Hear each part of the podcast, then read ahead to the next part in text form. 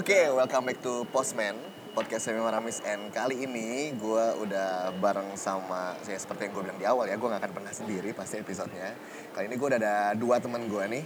Eh, Jadi memang sebelumnya kita berada di sebuah komunitas yang sama dan currently ya ya meskipun sibuk masing-masing tapi ya masih keep kontak lah sama lain gitu. Dan tiba-tiba untuk topik kali ini gue kayak kepikiran aja kayak seru deh buat ngajak mereka deh buat ngomongin uh, sesuatu yang akan gue bahas di hari ini kayak gitu. Oke? Uh, jadi di sebelah gue itu udah ada uh, David Rindo Rindo as event manager di Panorama Events currently.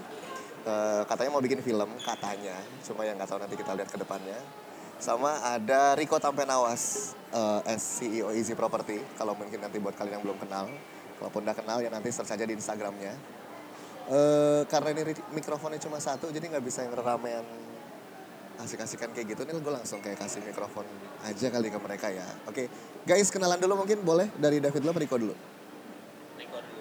eh, lempar-lemparan nih guys Riko dulu, Riko. Dimakan? Gue juga lagi liat handphone. Kalau Enggak, enggak.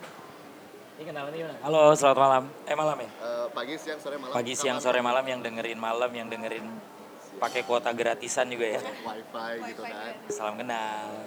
lo dengan siapa gue dengan David Rindo Rindo. currently kesibukan lo apa Eh, kesibukan gue bekerja cari nafkah untuk keluarga. Supaya Baik, keluarga gue bisa beli beras. cari nasi ya Cari nasi. Baik. Next. Ke Bapak.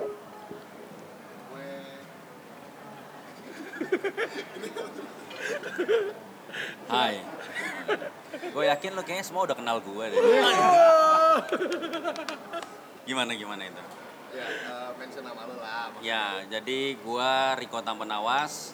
Currently kesibukan lo di Kesibukan eh, mencari segenggam berlian dari Easy Property. Oke oke jadi eh, ya harusnya sih udah pada kenal ya tapi ya nggak tahu deh kalau misalnya emang kalian mungkin kurang informasi atau mungkin mereka aja yang belum terkenal banget. Oke di episode kali ini gue akan membahas tentang eh, dreams mimpi. Eh, dreams itu berarti supposed to be mimpi-mimpi ya tapi ya udah mimpi aja.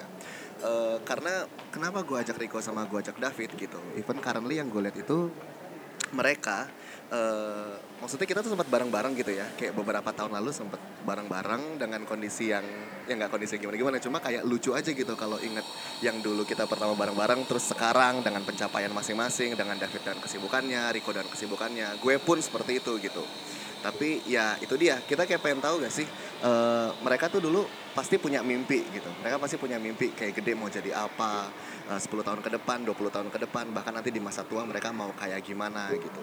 Kalau misalnya boleh nggak sih guys balik ke masa lalu nih gitu. Dulu kalian kayak umur belasan waktu SMA atau bahkan pada saat masuk kuliah kalian tuh sebenarnya pengen jadi apa sih gitu? Start dari siapa? Riko. oke Riko. Dari? Waktu kecil. bagaimana? Waktu Dari umur- Arsenal masih di badan lu. Kalau dari dulu dari kalau lu bilang dari kecil gue pengen jadi pilot dulu. Gue pengen jadi pilot. Setelah masuk ke SMA karena gue tahu pilot itu harus kuat di IPA, sedangkan otak gue IPS. Nah jadi lama-lama pupus tuh harapan, ya kan? Nah akhirnya gue masuk IPS. Nah di situ gue gua nggak ada mimpi apa apa sih. Gue cuman suka sama eh, ilmu apa namanya pengembangan diri kayak gitu loh. Gue suka hal-hal kayak gitulah. Nah seiring berjalannya waktu ya gue mimpi gue jadi pengusaha gue pengen jadi pengusaha dan sepanjang itu pun semua yang gue lakukan gini loh kalau lu bicara soal mimpi dan lu pengen lu pengen wujudin ya lu seberapa kuat lu dengan mimpi lu itu dan seberapa kuat pendirian lu akan pemikiran lu terhadap mimpi lu itu itu yang akan ngebuktiin ya puji Tuhan sekarang jadi jadi pengusaha gitu Oke, berarti bisa dibilang eh lo yang sekarang itu memang buah dari mimpi lo juga gitu ya.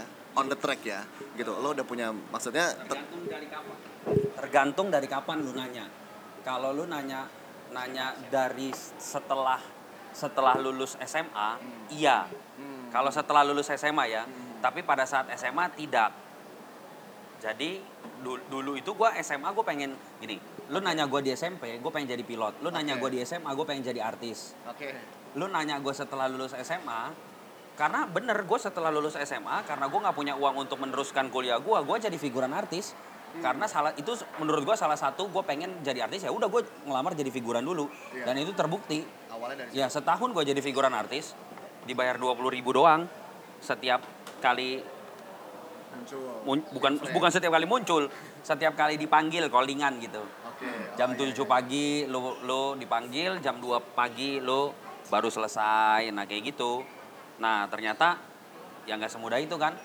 Nah jadi kalau lu tanya kan sekarang jadi pengusaha nih. Sejak kapan? Setelah setelah gue melihat realita dunia ini. Nah baru gue punya mimpi jadi pengusaha yang akhirnya gue teruskan. Jadi gue udah tancepin itu dalam pikiran gue ya gue harus di situ.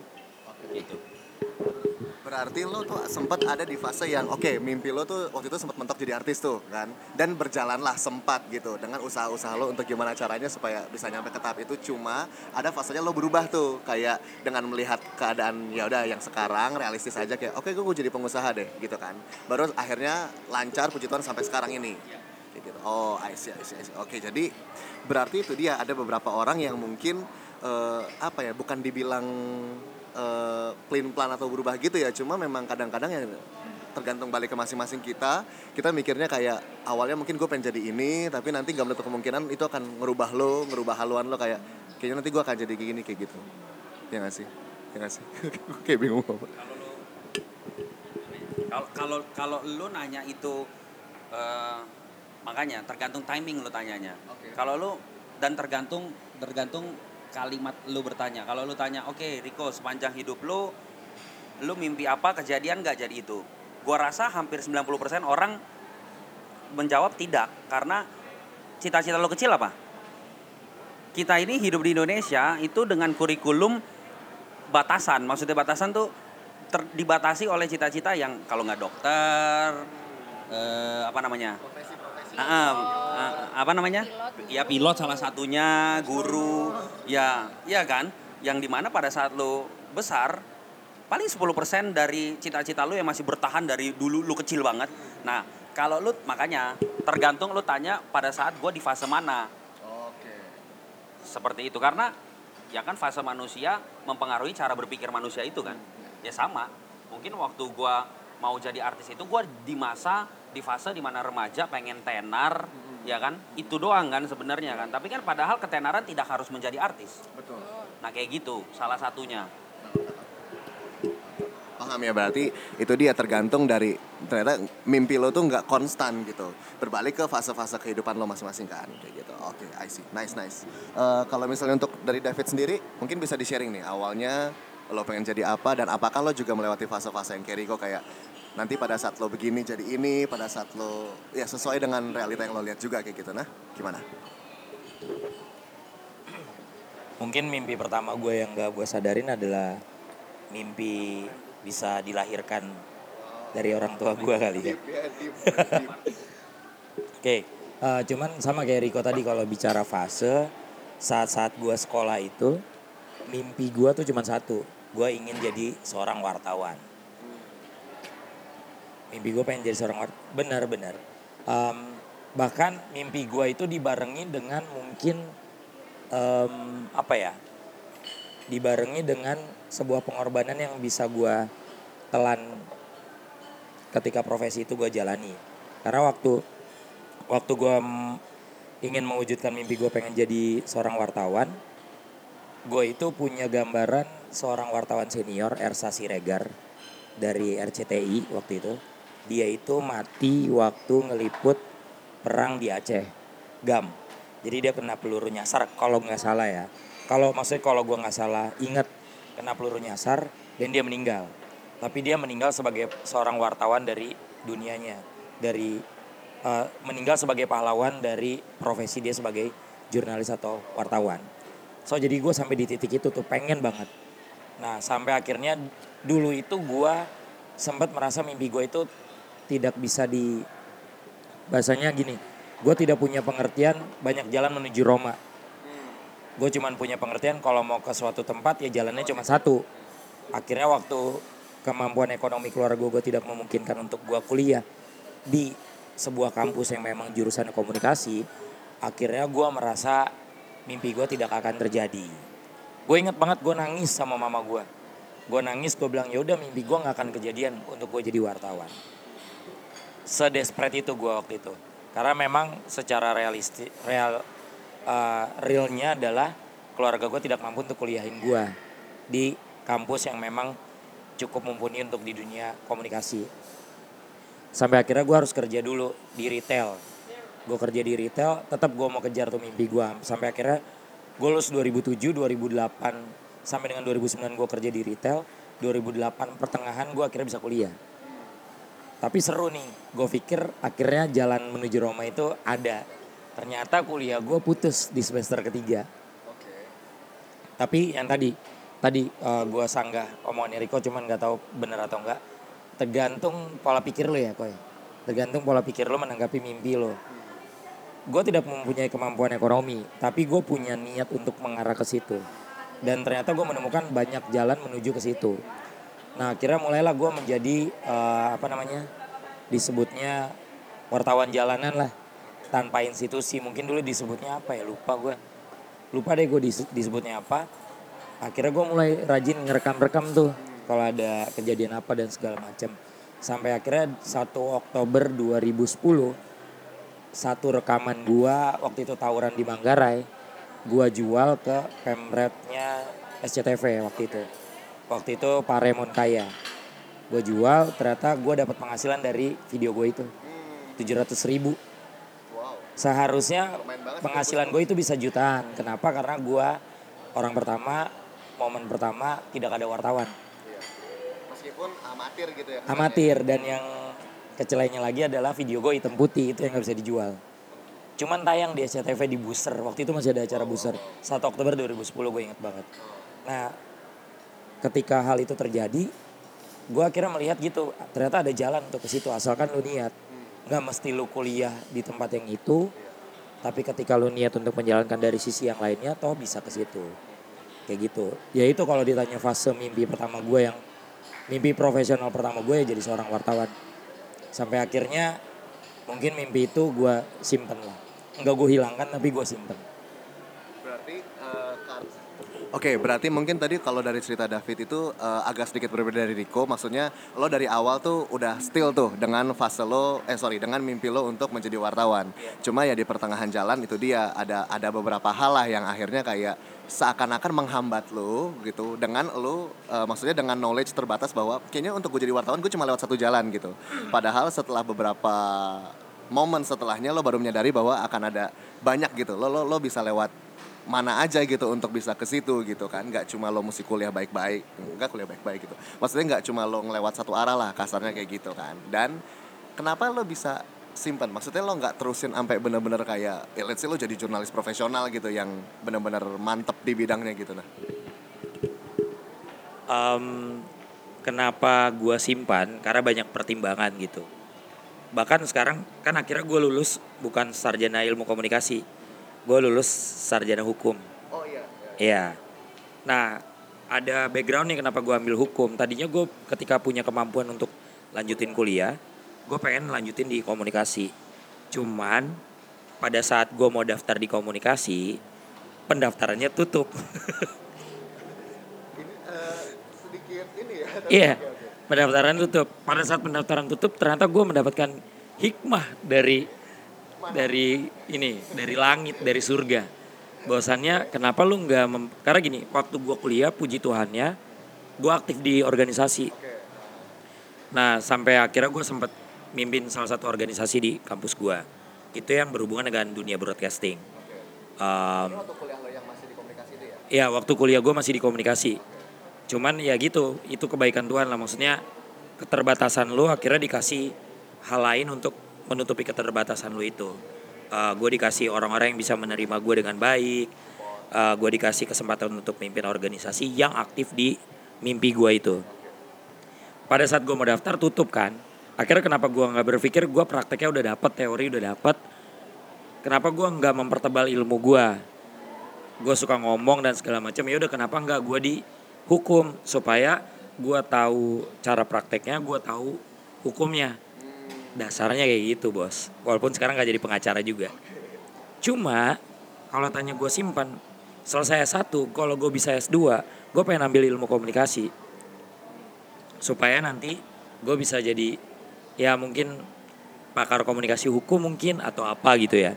Itu nanti in the future kayak gitu. Jadi gue nggak tahu itu terjadi apa enggak gitu Berarti kalau yang gue tangkap dari lo, lo lebih ke enlarge ya gitu. Maksudnya kayak let's say uh, meskipun ya kuliah lo nggak selesai di komunikasi, tapi lo udah cukup terbekali nih dengan ilmu komunikasi lo, dengan ilmu how to be ya great journalist kayak gitu gitulah gitu kan dan apa salahnya untuk lo nyoba yang lain gitu which is ya tadi lo mungkin aktif ngomong berorganisasi segala macam sampai lo bisa start di uh, hukum gitu kan sampai di hukum. Dan berarti currently bisa gue bilang untuk kesibukan lo yang sekarang itu ada dari sisi komunikasinya juga ada sisi dari ya berorganisasi juga gitu gak sih? Jadi kayak lo kayak sekali dayung kayak lo dapat dua empat belas pulau gitu ya gak sih?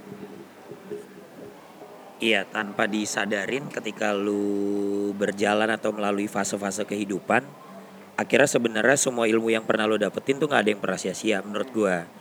Karena akhirnya lu ketemu dengan profesi atau dunia yang bisa dilengkapi dari hal-hal yang lu dapetin di sebelumnya. Pekerjaan gua sekarang kan bukan bukan di eh, dunia media, bukan, tapi di dunia events. Nah, dari dunia events itu gue bisa mempraktekkan gaya komunikasi gue gitu karena dunia events kan luas ya jadi ya itu bisa dijalankan di situ dan ternyata beriring seiring dengan jalannya waktu ternyata gue bisa maksimal di dunia events walaupun ya masih perlu belajar dan masih banyak kurang ya kayak gitu sih.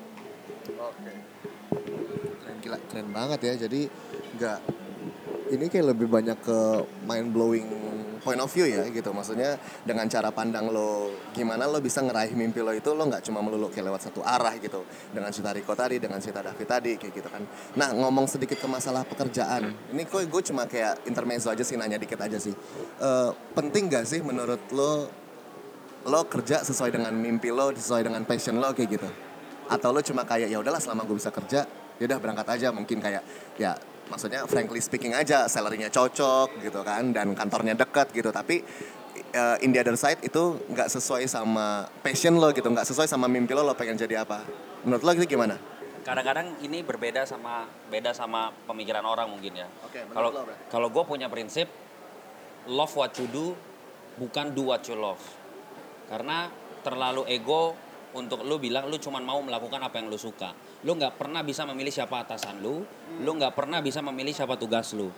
Dan itu yang menyebabkan 80% orang yang setelah mereka kuliah lulus. nggak ada yang kerja sesuai dengan dengan jurusannya. Itu basic pemikiran gua maksud gua. Dan ketika lu apa apalagi lu masih muda nih yang dengerin ya lu terlalu picky sama kerjaan lu itu penting. lu punya skill apa bos? Lu punya kelebihan apa bos perusahaan bahkan mohon maaf nih perusahaan sekarang Google Facebook emang ngelihat dari CV lu? Kagak ngelihat dari apa? Sosmed lu. Gimana cara lu berinteraksi sama orang? Gimana caranya lu memanage diri lu sendiri? Baru-baru ini gue baru denger nih. Gue nggak tahu lu denger ini kapan tapi ini lagi boom. Salah satu universitas yang sangat ternama di Indonesia punya satu satu orang yang baru lulus dia ngeluh mengenai gaji itu saat-saat ini lagi rame banget. Fuck man. Lu ngomong kayak gitu emang lu universitas lu mau bawa-bawa nama embel-embel universitas? Lu kayak kalau gue sebagai pemimpin perusahaan gue ketemu sama orang kayak gitu gue baru ngeliat sosmednya gue robek CV-nya lu siapa? Lu siapa emang gue tanya. Lu lu mau berapa habis uang buat lu kuliah di situ juga? Terus berapa kan gini loh sebagai pemimpin perusahaan yang dilihat apa lu bisa berapa banyak duit yang bisa lu bawa ke perusahaan gua? Begitu kan? Jadi kalau pertanyaan lu eh, gimana lu ini enggak dalam bekerja harus sesuai passion nggak? Sorry kalau gue berseberangan dengan yang pemikiran banyak orang tetapi terlalu naif kalau lu mempertahankan prinsip lu cuman pengen kerja di tempat yang lu seneng doang. Suatu saat kalau lu punya prinsip seperti itu ketika lu biarkan itu terjadi lu akan jenuh sendiri sama pekerjaan lu kenapa? Ya karena se- nggak semua situasi itu akan menyenangkan hati lu itu sih. Wah ini keren banget sih. Jadi even memang ya itu dia berseberangan ya. Karena gue pikir kayak gue udah cukup eh, kepatok gitu kayak love what you do do what you love gitu. Tapi ternyata ya nggak semuanya mesti kayak gitu gitu. Gue juga setuju sih kalau misalnya memang kebanyakan tuh kayak anak-anak zaman sekarang mereka kuliah terus kayak mereka udah lulus mereka pikir kayak oh gue S1 dari kampus ini.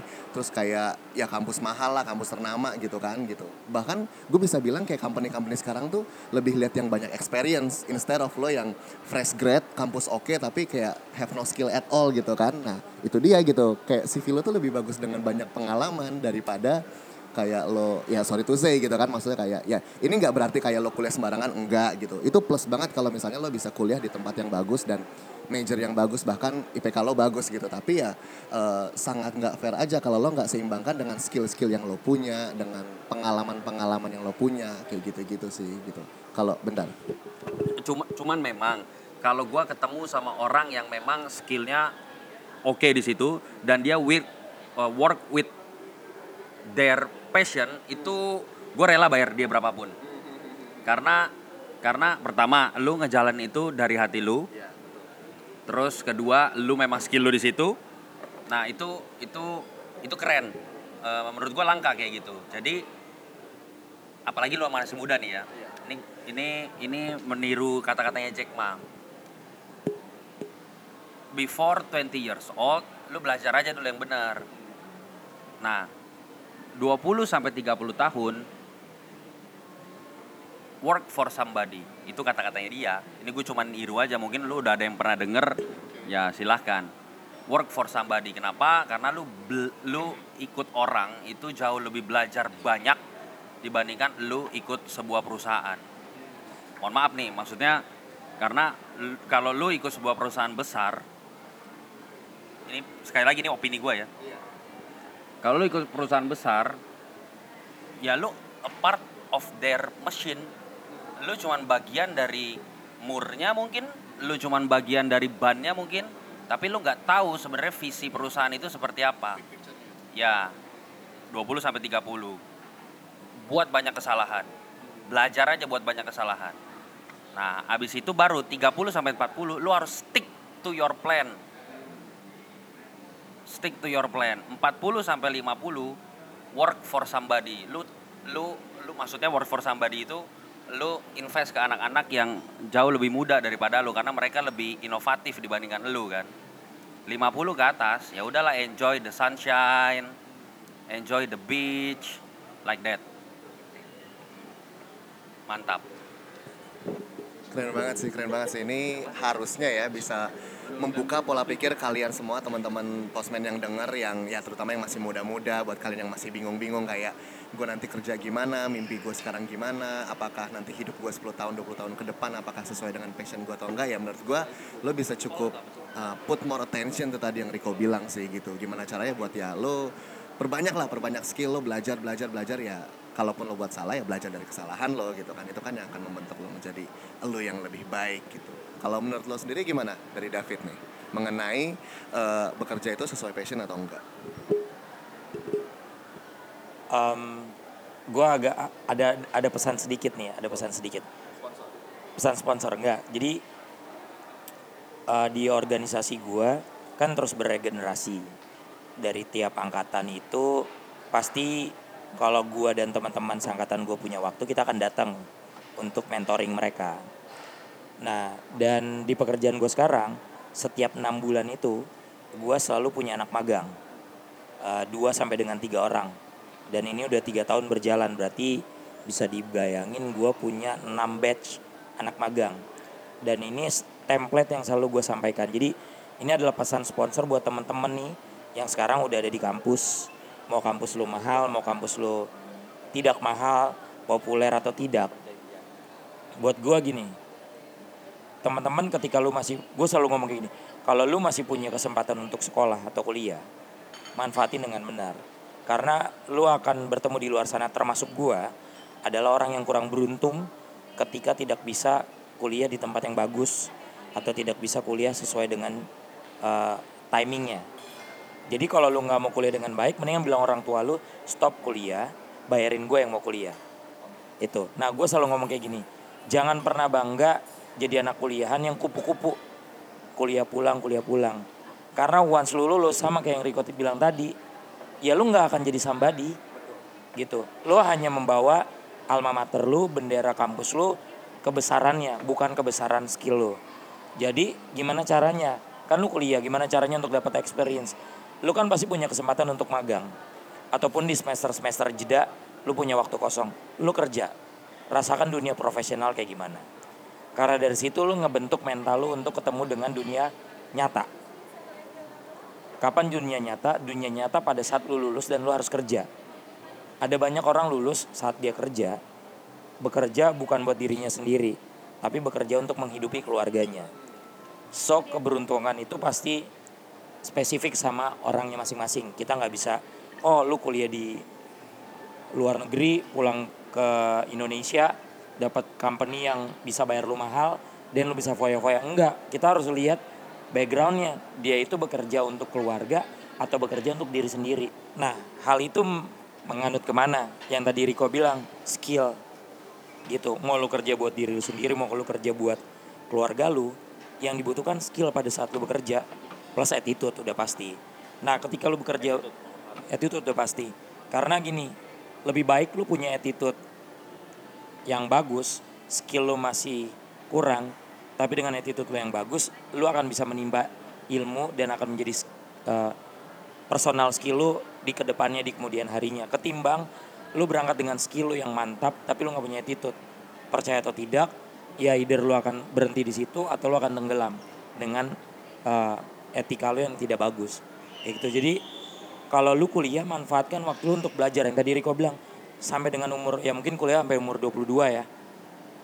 Sampai umur 20 atau 22 ya belajar dengan baik. Tapi setelah lu lulus, saatnya lu mempertanggungjawabkan diri lu. Karena bukan kampus lu yang akan membela lu, tapi skill lu dan attitude lu. Kayak gitu. So jadi ketika lu mau bekerja dengan kalau gue lo mau bilang bekerja dengan passion, love what you do, tapi kalau lu tidak mengerjakan dengan hati, hasilnya pasti nggak akan maksimal. Dan lu juga akan tadi lu akan bertemu dengan eh di perusahaan sana gajinya lebih gede, gue pindah deh. Di sana lebih hijau, gue pindah. Gue dapat peribahasa daripada lu melihat rumput tetangga lebih hijau, lebih baik menghijaukan rumput lu. Gitu. Dengan apa? Dengan skill yang lu punya. Gitu. Karena dengan skill yang lu punya suatu hari nanti bukan lu yang melihat tetangga tapi tetangga yang melihat lu. Dengan kapasitas lu yang sudah semakin besar sudah benar-benar semakin kuat dan lu punya bargaining point balik lagi yang tadi Riko bilang. Dia mau bayar orang dengan harga mahal. Kalau memang ternyata skillnya bagus apalagi dibarengi dengan background yang bagus juga kenapa enggak?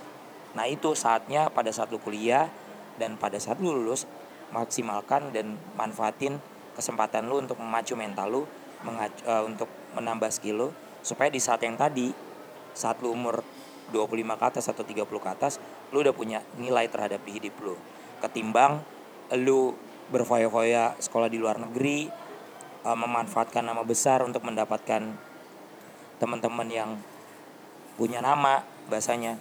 Ketika mereka lulus mereka akan fokus dengan mimpinya dan lu akan fokus sama mimpi orang ngikutin mimpi orang bukan ngebangun mimpi lu gitu. Jadi makanya percayalah kuliah itu membuat lu pintar secara kertas secara teori.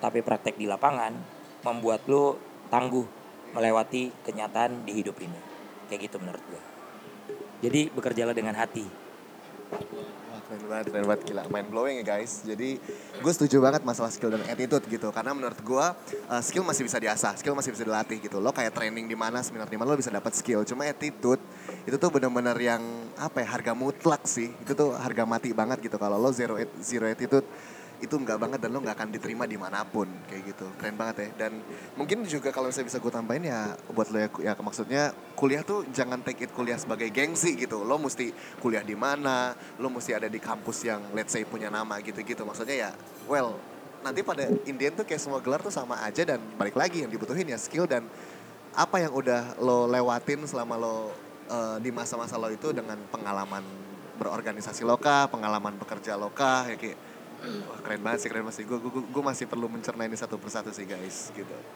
Eh, Oke, eh, mungkin coba deh kalau misalnya kalian tuh punya pesan-pesan khusus gak sih buat Ini kalau gue nebak sih kayak pendengar kita tuh kayak paling ya cuma belasan And then ya ya middle-middle 20-an kayak gitu-gitu lah gitu Coba menurut lo tuh gimana untuk anak-anak muda ini dengan fase mereka, fase kelabilan anak muda nih Cuma belasan? Oh ya maksudnya pendengarnya umur-umur belasan kayak gitu Kira cuma belasan yang dengar. Oh enggak, ini, ini nanti ribuan yang dengar Puluhan ribu ya. Puluhan ribu, yes thank you ya, thank you ya Oh baik, baik. Mungkin bisa kali masuk story-nya ya. Untuk Bayar ya. Untuk engagement-nya ya. Eh, jadi gimana coba untuk teman-teman yang ngedenger ini kita kira belasan tahun sampai middle middle 20 gitu. Lo punya pesan apa buat mereka untuk mereka bisa meresponi eh lo udah gak main-main lagi lo siap gak untuk masuk ke dunia nyata, dunia profesional, dunia bekerja kayak gitu. Menurut gua kalau lo menurut gua kalau lo main-main mati aja bos karena di dunia ini kalau lu cuma pengen main-main terlalu terlalu banyak orang yang sudah pengen lebih dari kata serius. Jadi main-main itu bukan standar lah. Main-main itu dalam arti pemikiran lu masih kayak selonong boy suka-suka lu kayak gitu-gitu lo ya.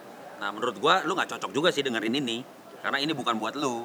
Nah tapi kalau lu memang satu vibrasi sama sama podcast yang si Semi buat seharusnya tahapan lu udah beda lah. Apalagi lu udah mendengarkan menit ke sekian ini udah panjang berarti lu udah berarti lu udah punya intensi khusus vibrasi khusus dengan pengembangan diri seperti ini. Nah saran gua buat lu semua tetap kembangin. Lu kalau bicara soal mimpi menang merahnya semi kan mimpi. Kuat sama pendirian mimpi lu. Mungkin lu di usia di mana pada waktu itu gua mengejar mimpi gua. Yang tadi gue bilang gue udah gue udah bukan mau jadi Riko yang mau jadi pilot bukan Riko yang mau jadi artis tapi Riko yang udah pengen jadi pengusaha. Dan ternyata di setiap mimpi gua kemarin semesta mendukung gitu loh. Karena apa? Ya karena gue udah tancepin bendera. Dan menurut gua kalau lu udah udah punya sekali lagi ya kalau lu memang sudah dewasa dan udah punya pemikiran sampai sampai detik ini yang bukan main-main tadi yang udah memang benar-benar stick to your plan bakar kapal bakar kapal itu jadi prinsip gue dari dulu. Itu strategi Napoleon Bonaparte. Lu tahu Napoleon Bonaparte? Pemimpin perang pada saat Perancis mengalami kejayaan. Dulu dia perang sama dulu dia banyak ya ininya kan e, musuhnya. Dia dia nah salah satu cerita yang paling terkenal pada saat dia mau nyerang Inggris. Setiap perangnya dia itu statistik menyebutkan 80% selalu mengalami kemenangan. Kenapa? Karena dia pakai strategi bakar kapal ini. Caranya gimana maksudnya? Pada saat dia mimpin perang pasukan mendarat di tanah Inggris, dia bakar semua kapalnya. Dia bakar semua kapalnya untuk apa? Untuk memberikan stigma sama sama pasukannya, sama pasukannya dia bukan sama musuhnya, sama pasukannya. Pilihannya itu cuma dua, menang atau mati. Jadi nggak ada pilihan balik badan. Jadi kalau lu pengen mengalami keberhasilan yang lu pengen, ini mimpi lu, sekarang bakar kapal lu. Nggak ada nggak ada option balik badan. Gua pengen jadi pengusaha, even semua orang ngomongin gua, dulu gua suka dengan pengembangan diri, Bro. Waktu gua ngomong tentang kesuksesan dan keadaan gua belum sukses, Hmm. itu orang-orang ngomongin gua. Kalau gua nggak nggak stick to my plan, gue mundur. Iya. Gue akan mundur. Karena satu, itu bukan cuma dari omongan orang. Sebenarnya omongan orang itu salah satu dari ornamen untuk lu menuju mimpi lu. Sebenarnya banyak banget. Rasa layak.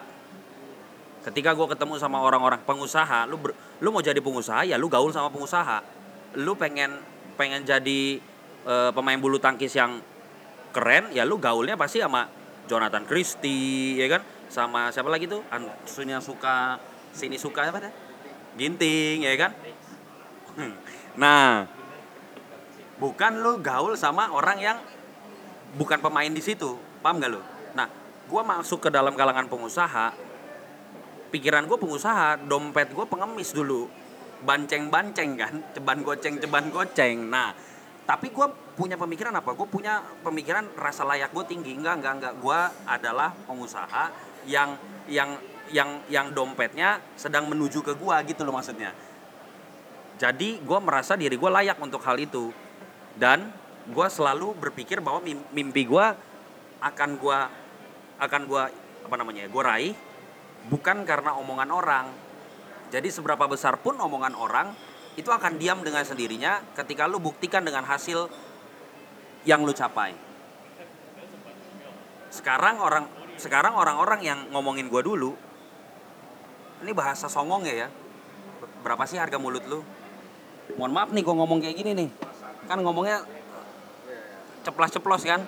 Supaya lu apa? Supaya lu ketampar brother sister. Lu wujudin mimpi lu jangan pernah lu dengerin omongan orang. Dia nggak akan ngasih makan lu kok.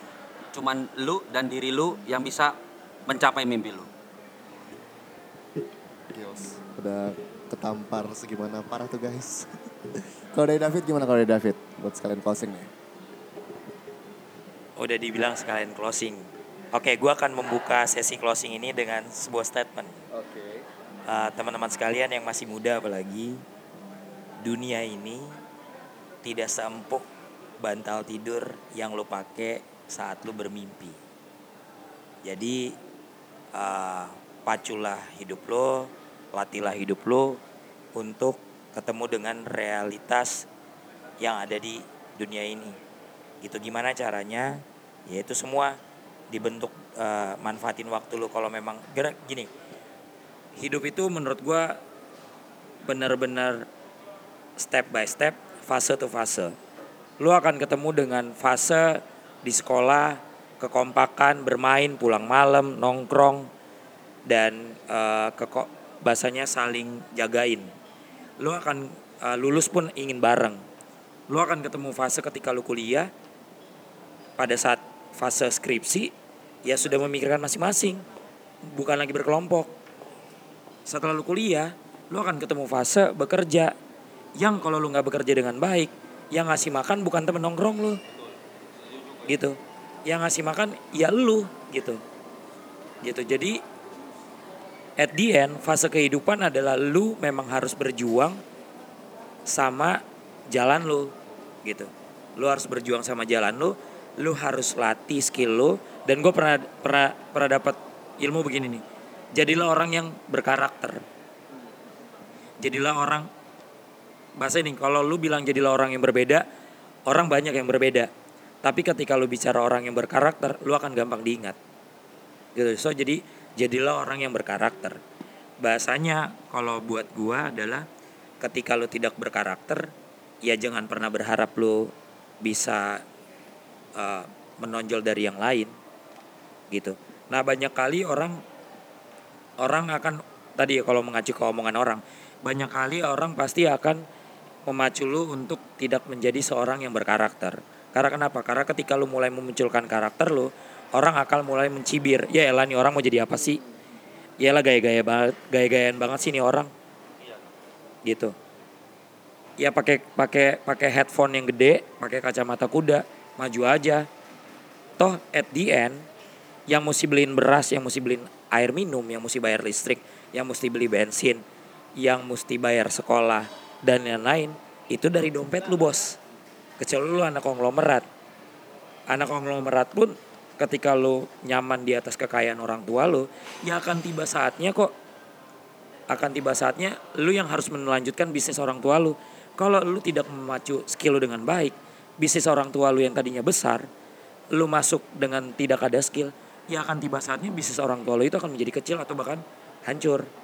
Kayak gitu. Jadi sama jadi orang jangan pernah puas sama apa yang lu capai sekarang.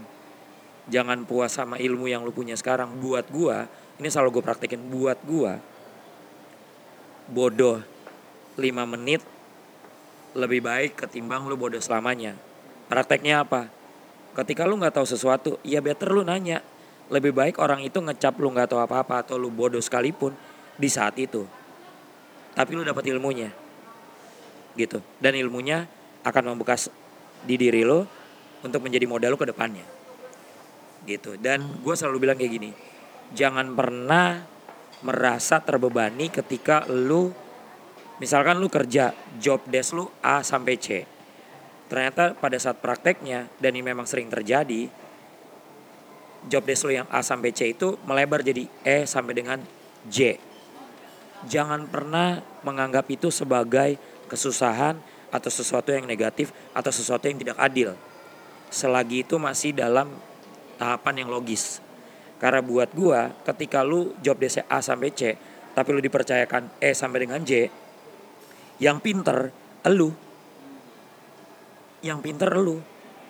Karena ada ada beberapa kemungkinan. Orang yang melemparkan pekerjaannya ke lu pertama mungkin dia nggak bisa ngerjain hal itu.